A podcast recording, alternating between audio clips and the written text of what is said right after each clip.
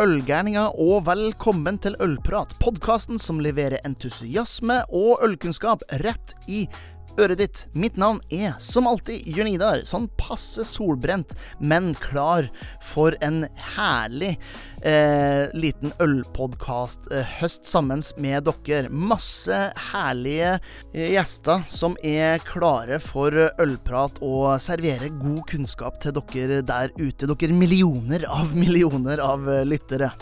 Eh, jeg må jo bare, før vi setter i gang, si tusen, tusen takk til alle de som har valgt å støtte podkasten med et par kroner i måneden gjennom Patrion. Og som takk eh, for det får de tidlig tilgang til alle episodene. De får eksklusiv behind the scenes-materiale, en egen eh, podkast hver eneste måned og mer til. Så mm, hvis du liker det du hører og har lyst til å støtte opp om, så kan du gjøre det hvis du går inn på patron.com slash ollprat eller du kan eh, klikke linken i shownotesen. Nå er det altså klart for eh, den første episoden etter sommeren, og jeg må si det her er en som jeg har jobba en god stund med å få på plass, og som jeg gleder meg veldig å dele med dere. For jeg har med meg nemlig Rob Wilson, som var en av de som var med og starta Toast Ale i England. Et eh, fantastisk bryggeri som bruker det som vi vanligvis eh, kaster i søpla. Overskuddsbrød, rett og slett, i brygginga, og har et fantastisk eh, mission med driften sin. Så det her er bare å bunkre seg opp. Fyll kaffekoppen med en, en god klunk, eventuelt glasset med noe høyt skummende, og lene deg tilbake for en meget god episode av Ølprat.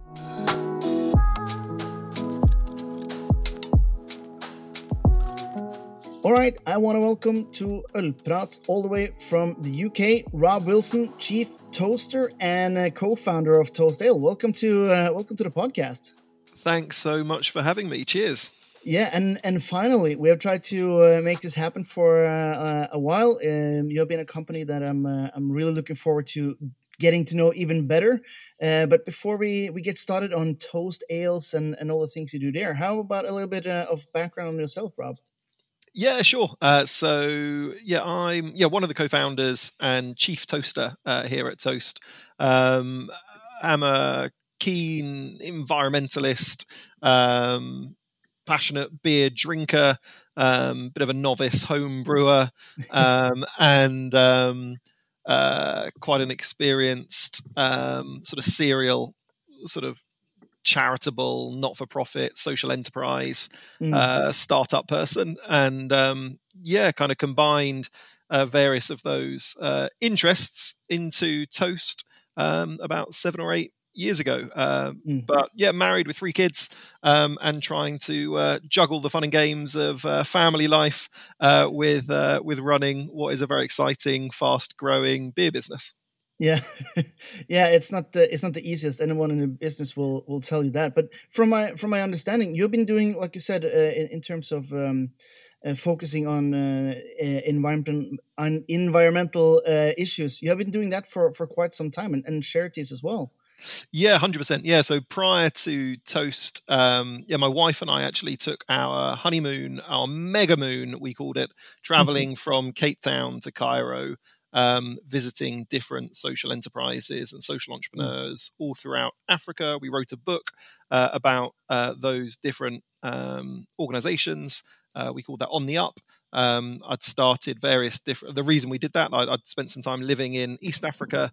Um, and had started up a, a not for profit in East Africa.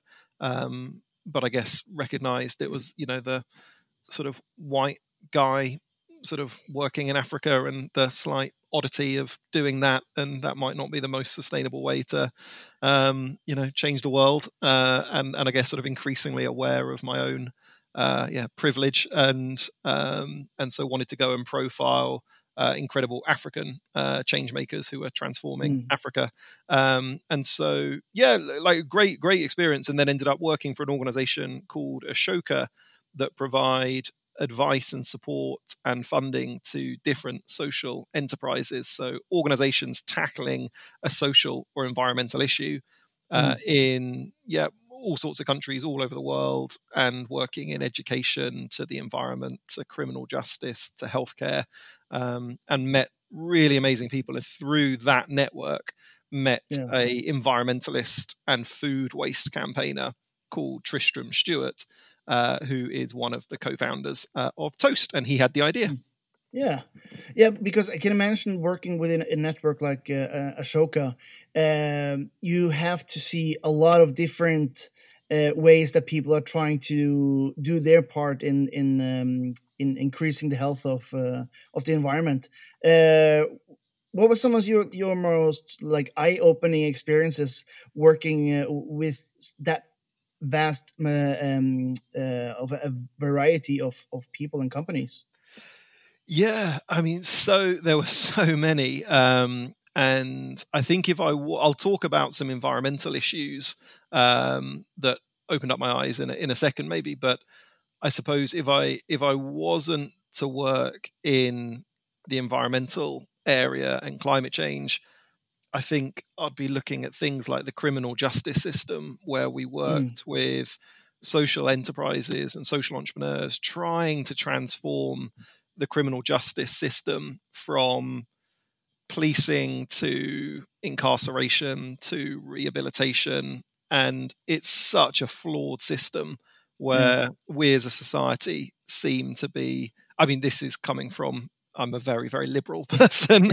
um, so I, I, I, very much feel uh, we as a society get it very, very wrong as to how we um, yeah work with uh, the criminal justice uh, system and uh, mm. i think it's something like 50% of people in the criminal justice system have an unmet mental health need um, mm. and if you lock them up for 23 hours a day um, you're certainly not going to rehabilitate someone with a mental health need. You're just going to make that worse and then we ask ourselves why there's such a high reoffending rate. Anyway yeah. so so remarkable projects i would say and i spent some time visiting prisons and found that whole area just fascinating. And interestingly, uh, a lot of beer uh, made in prisons using surplus bread.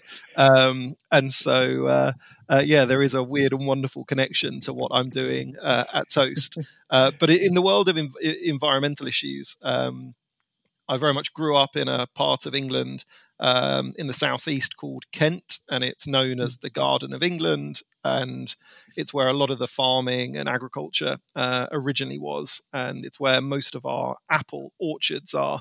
Um, and uh, because I grew up there, I, I spent summers earning pocket money picking apples um, okay. from the local farms and getting paid uh, a ridiculously small amount of money as a 13 14 15 year old um, when you were sort of trying to make some extra pocket money um, but i saw the amount of waste happening and so mm. Um, you would pick an apple that had to be the perfect shape size color and if it wasn't it would get tossed aside yeah and at Ashoka, uh, I started coming across more and more food waste initiatives. There was one called Rubies in the Rubble, um, which uh, was based in this same kind of concept of uh, farmers markets and wholesale markets, where at the uh, at the end of that market day, anything that that wasn't sold would be chucked if it wasn't going to be fresh enough the next day but it still certainly had 12 24 hours good quality life left in it um, what they what they started to do was capture all of that food from the markets rather than see it get wasted, turn it into sauces, chutneys, condiments, uh, and and salvage that that food because the mm. food industry has a massive impact on the environment, and we yeah. we need to ensure that we don't waste so much. Yeah, for sure. And, and uh, yeah, you said you you um, you met uh, Tristram Stuart, who is the your the co-founder of, of Toast Ales and um, I, um, of course, I can imagine uh, meeting over a good beer, talking about the environmental issues, uh, talking about your passions, and then just figuring out that you want to start a brewery that uh, has some sort of impact of it. But, but was it that simple? um, a lot of it was. So Tristram's got a very charismatic way with words, and he had tried a beer in Brussels. Um, I don't know whether you know the Brussels Beer Project. You know those yep. guys? Brilliant brewery. They'd brewed a beer called Babylon hmm. um, mm. that was brewed using surplus bread.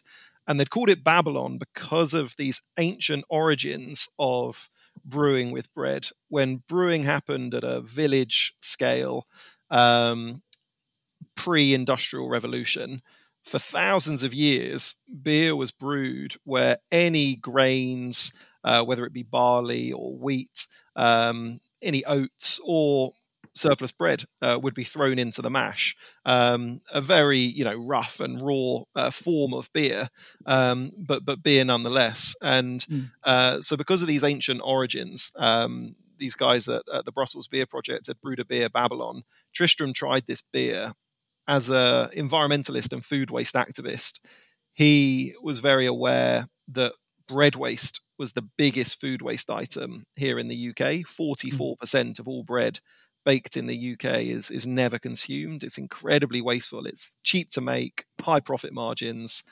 and yeah, you mm. you you bake much more than than you think you will sell just in case you do yeah. sell it.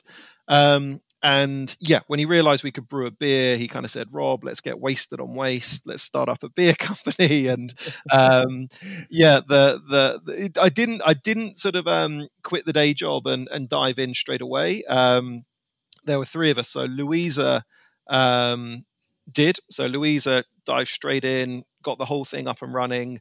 Mm. I ended up uh, initially uh, acting as a form of uh, sort of advisor to Louisa and Tristram and providing some support. Uh, and then after a few weeks, um, realized, yeah, this is actually going to be way more than a, a fun project. This is actually, yeah, uh, yeah something that needs uh, a bit more dedication. Yeah. And so, yeah, quit quit the day job and uh, started uh, started the fun and games that is Toast. Yeah, yeah, and this was around 2015 and 2016 uh, from exactly. uh, from what I have have seen, which is sort of the perfect time for for doing a project like this.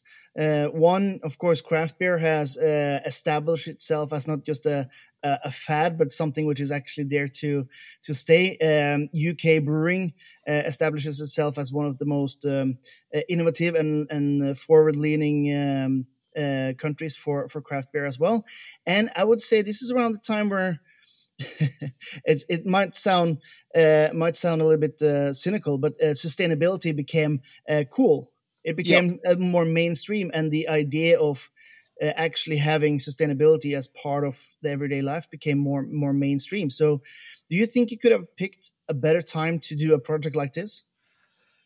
Yeah, I think um, I, I, I, totally agree. Um, and I think that's where Tristram really uh, deserves the credit for spotting and having having been a person that spent his entire professional life dedicated to researching these issues of sustainability and food waste um, and coming across countless projects and ideas. When he started to seed this specific idea, it was very clear that, yeah, this was the right place, the right time this was the moment to mm. to push forward with an idea like this.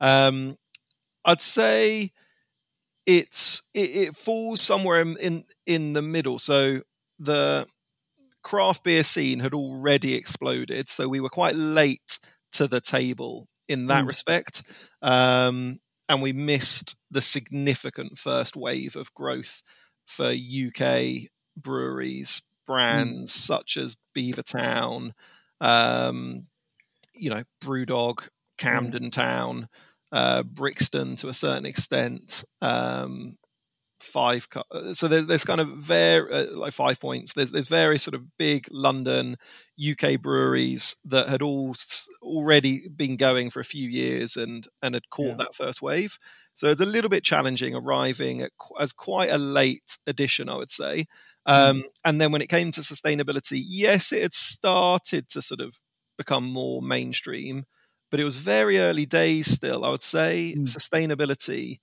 has hit some kind of tipping point in the last two to three years. Um, mm. Whether it was directly correlated to what was going on during COVID, or whether it's just a, a coincidental time frame that we all benchmark everything against what happened in COVID now.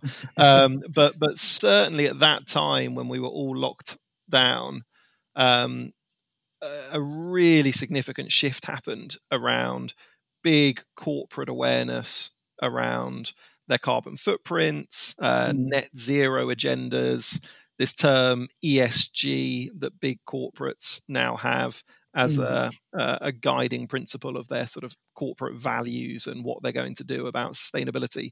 Um, so we started before that wave, and I'd say that's where we have a, a big um, opportunity now is to really grow into that space. Yeah. And there's very few breweries and indeed food and beverage businesses really doing anything quite as uh, I would say um, authentic and uh, committed as, as as what we're trying to do at Toast. Yeah, because uh, uh, Toast is of course is the um, the uh, um, activity that you do when you when you smash glasses together, but it's also a very nice uh, play of words when it comes to uh, to bread because uh, we have actually gone almost 15 minutes without talking uh, anything about the fact that that you make all the beers with the surplus uh, bread. And you mentioning in the UK you have 44% of all, bread is being thrown away. In in Norway alone, uh, over 250,000 breads are being thrown away every single day, and that's quite a lot for a country with only 5.2 million people. So, yeah. Uh, so then the question becomes: Why don't everybody use bread as a part of their brewing process? Is yeah. it hard to do? No, no, no. So this is the that's the entire reason why toast exists. So we want to transform the entire beer industry. That is our very modest ambition, um, and um, and so we have what we call a BHAG, a big, hairy, audacious goal. That's our north star. It's our guiding principle behind everything we do and that's to brew at least 1 billion slices of surplus bread. Um, mm. that's a, a, kind of calculation that we believe is a tipping point, at which point it would become very normal for the industry to just carry on doing it. Mm. Um, but so far, we're only at about three or four million slices. So we've got a long way to get to 1 billion. Um, so what we do is, yeah, we brew our beer, replacing a third of the malted barley with yesterday's bread from bakeries. We mm. process that surplus bread into a format that is as uh, alike to malted barley as possible. We get the mm. moisture content to the same level, uh, the particle size is the same level. For those that are keen home brewers or, or brewers themselves, uh, the the extraction rate is almost identical to malted barley. So we're getting the same mm. amount of sugar and carbohydrate out of that wheat in the in the bread, um, and converting those sugars into alcohols. Um, for uh, for the beer production, and it brings the same kind of body, flavor characteristics uh, as as as uh, a torrefied wheat uh, would mm. Uh, when added to uh, to beer. Um, so it's a really delicious, sustainable um, substitute for the barley that's going into the beer. Mm. Um, mm. But we're a very small brand. Um, we uh, have had some success and we're growing, but we're still ultimately very small and we're only scratching the surface of the issue directly mm. ourselves. So we open source everything that we do, and uh, we have a recipe and a, and a, a kind of uh, process that's been downloaded over 100,000 times all over the world. We've collaborated with nearly 100 breweries all over the world as well. Uh, we donate 100% of our profits to environmental charities fighting waste so that we can contribute in that way as well and try and change policies and um, government laws and consumer behavior. So we're really trying to tackle this issue as a at a, at a holistic level. But ultimately, we, we want the whole brewing industry to come on board because it's a no-brainer. You've got a you've got this sort and, and it's eh, you know like I say from a romantic perspective, it's historically how beer was produced anyway. Yeah. It, we used to have this common sense. We used to have common sense where there was this perfectly good supply of wheat in the format of surplus bread um, mm that was clearly useful and could be thrown into the mash to make beer. Um, we lost that completely, and we just mm. we're trying to then bring that back into the mainstream.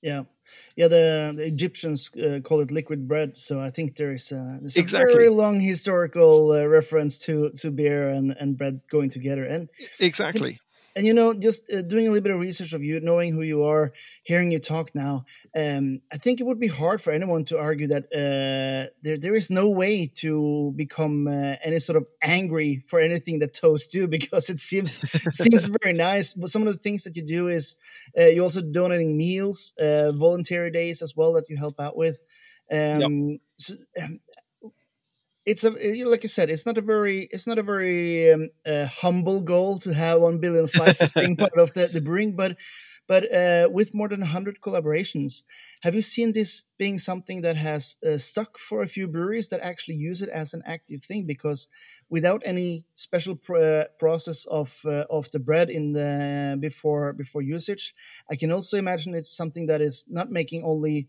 um, environmental um, um, sort of uh, yeah it, it's not only for the environmental part but it's also for the uh, economic side as well. But yeah have you seen uh, do you have any examples where you have worked with breweries that are now implementing uh, this sort of surplus bread or, or other yeah. things in a in a production yeah so the, i mean there are now um, i don't know probably 30 to 50 breweries around the world who specifically focus on using surplus bread um, as a, a, regular part of their process and have mm. replicated the kind of approach of toast by creating a, an entire brand around this issue um, mm. and we've we've had active um, engagement and involvement in nearly all of those breweries yeah. um, we've had we've had phenomenal media coverage um, about what we've been doing and that's meant that uh, change makers and, and and sort of keen individuals and bakers and brewers all over the world have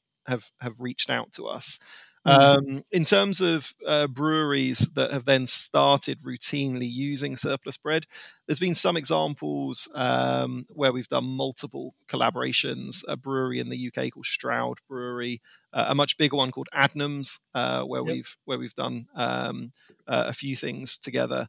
Um, and then more recently, um, we've taken on uh, a, uh, a small amount of investment and, and forming a, a, kind of partnership with Heineken uh, to yeah. see how um, they could support this mission on a bigger scale. They're very much supportive of our ambition to try and transform the uh, broader industry. They're very mm. committed to uh, a net zero uh, agenda themselves and a sustainability agenda, and want to see if they could. But but equally, they're quite humble about knowing that when it comes to sustainability, they don't have all the answers, and so they're keen to learn from us if there's something that they could learn and and integrate into their processes.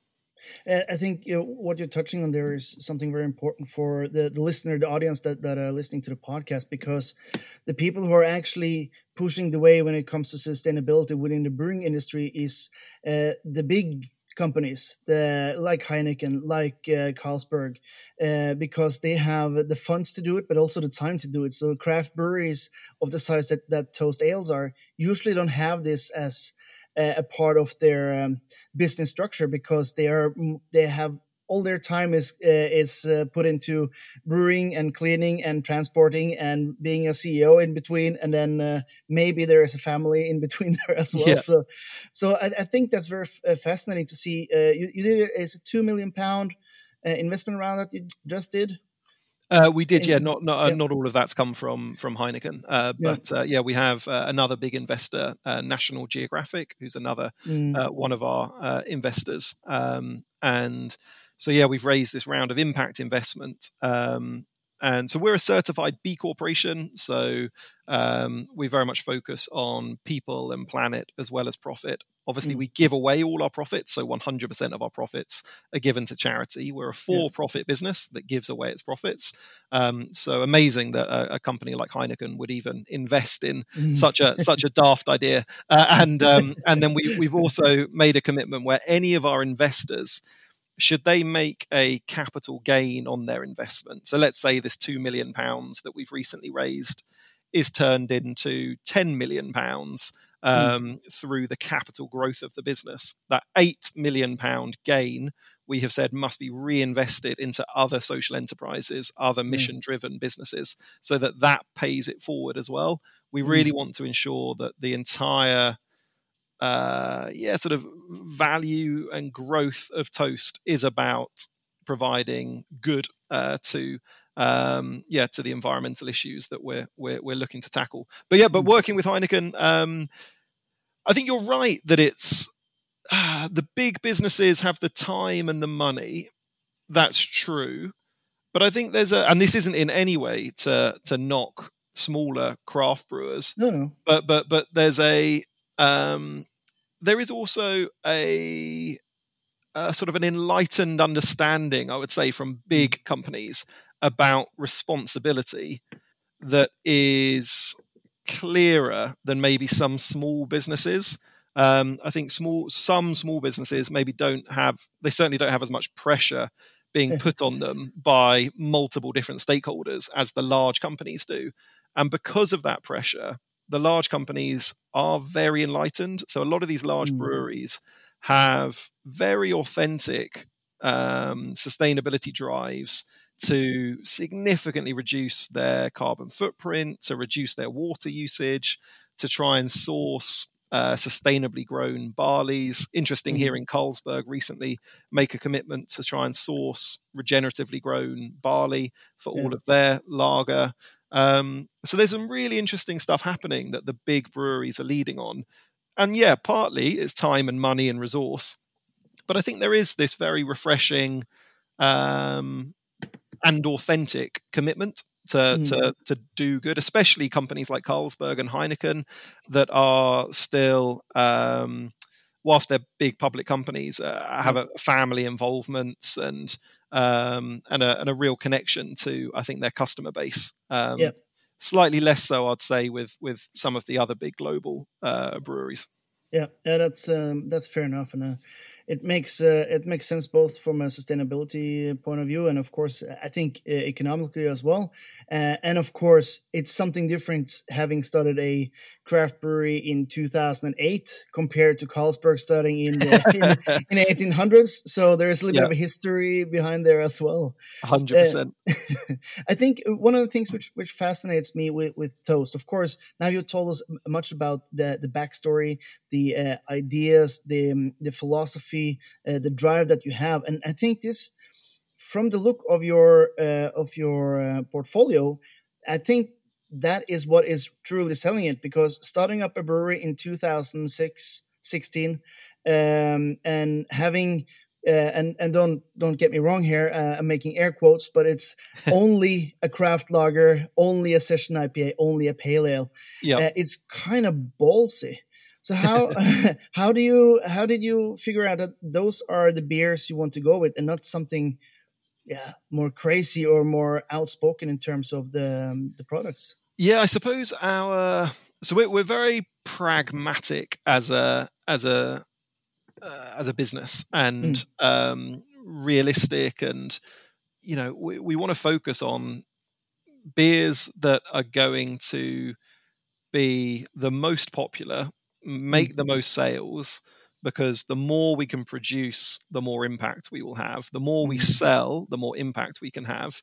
Um, there's this other strand to what we do, which is that each of our uh, cans or bottles contains some messaging, not in a preachy way, but just trying to communicate some of the issues of food mm-hmm. waste and the environment.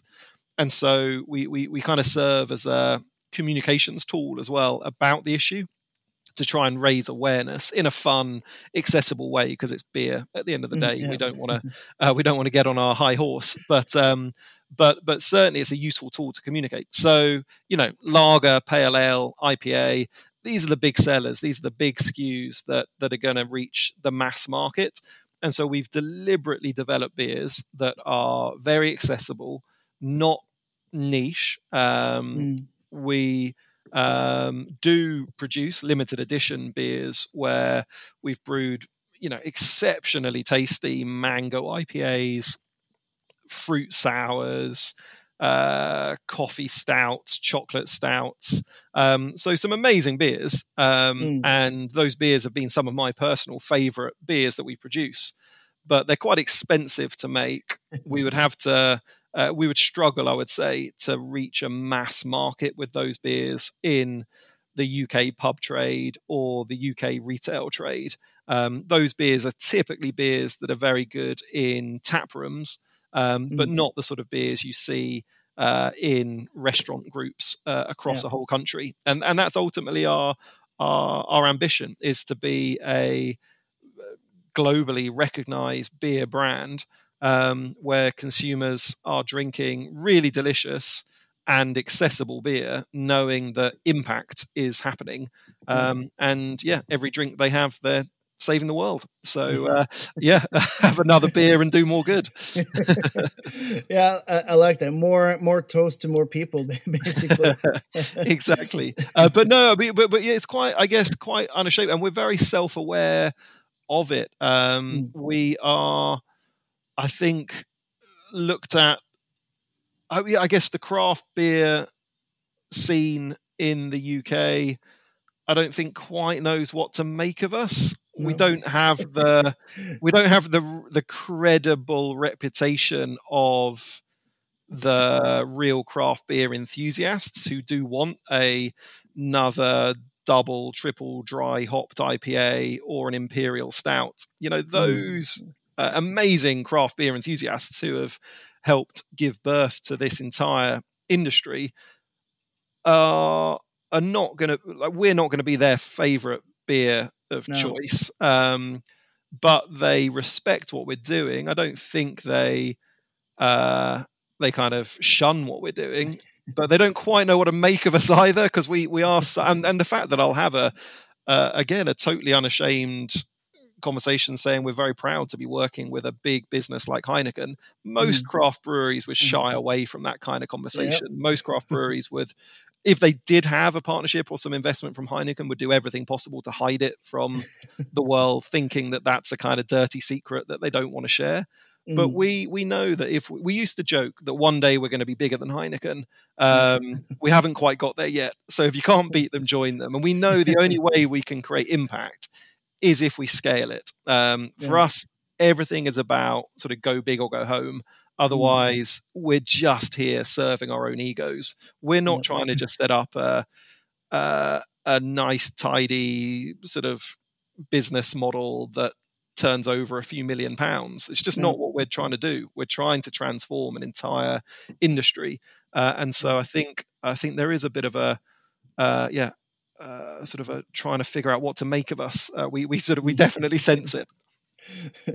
some mix uh, some mixed signals yeah yeah yeah yeah but in a, in a lovely way like we're, we're yeah. always treated very very well by uh, all the breweries that we collaborate with um, and yeah last uh, a couple of years ago we had the cop 26 um, uh, summit the big climate change summit in the uk uh, in hmm. glasgow mm and we brewed 26 collaborations for COP26, and we partnered yeah. with 26 different breweries.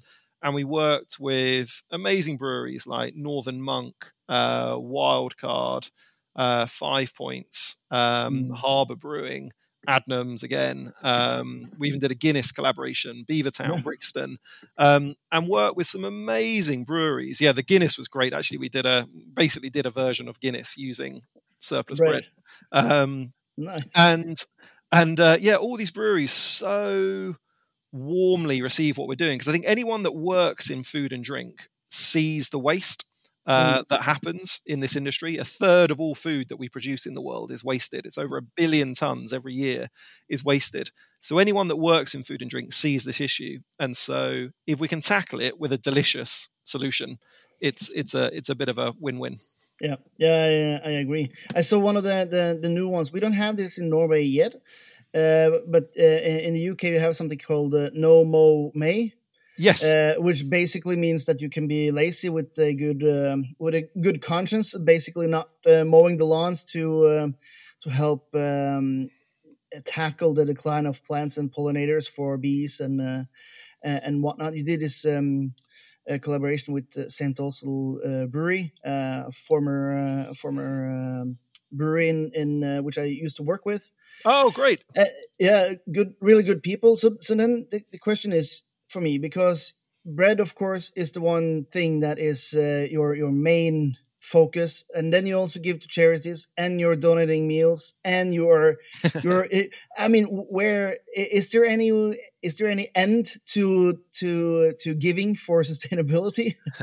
Uh, yeah no our sort of our world domination. Uh, so um yeah no we i guess we want to try and constantly push ourselves to do whatever we can um but we have to do it in a commercially sensible sustainable way as well. Mm. um but we we do half joke and then half seriously say we are trying to work ourselves out of business like we'd much yeah. rather see other breweries take on this idea and then if this is a kind of if toast is only known for it as a sort of a niche idea uh, and then we cease to exist because other big breweries take on the idea you know great to a certain extent uh, mm. we exist for a bigger cause than than just our own brand um, uh, but we also are, are quite reassured that we do have something quite unique to offer a yeah a beer drinker not just here in mm. the UK but around the world knowing that yeah we have a model that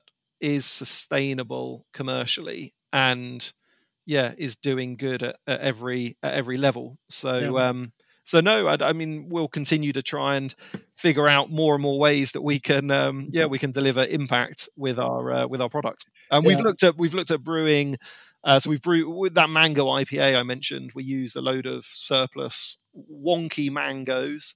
We've mm. brewed up surplus coffee and chocolate. We've brewed uh, surplus raspberries. Um, We've brewed crumpets uh, and all mm. sorts of breaded products. Um, we're looking at using potatoes and and other things as well mm. in the in the brewing process, where there's there's so much of the alcohol industry was born very naturally and organically from fighting food waste, um, and alcohol served as a natural calorific preservative. You can mm. capture the calorific value of food before it went rotten um, by um, fermenting it. And so, uh, yeah, it's, it's it's fascinating to see so much of the spirits world. Um, and I love my whiskey. Uh, if I wasn't working in beer, I'd be working in whiskey. Um, and so we we even did a, a moonshine. Uh, we called it the inbred moonshine, um, which we found funny. Um, have fun. Uh, it's funny too. where we where we turned a uh, a load of surplus bread into uh, uh, a kind of unaged whiskey. And mm. um, yeah, pretty raw, uh, but it uh, but it worked. Uh, it worked well, and and I'd love to see more spirits made from surplus foods as well. Mm. Yeah, and for uh, for all the the professional brewers um, that are listening uh, from previous uh, podcasts, I've, I've heard toast uh, being presented on. You're always welcome uh, to to give uh, advice to hundred percent. Yeah, colleagues in the industry, and for any home brewers, you can check out Toast Ale's homepages. There is an own section just for for homebrewing recipes and and ideas. So yeah, I highly recommend checking yeah. that out. Yeah, and and what I'd say, to be honest, is uh, very happy to offer advice, but equally, it's not rocket science. Just mm. start. Just try replacing five percent or ten percent of your grain bill. Uh, ten uh, percent of the barley that you were going to put in, mm. um, don't put it in. Replace it with the exact same weight of surplus bread. Dry the bread. You can even just leave it out overnight. Cut it into a kind of crouton or some cubes.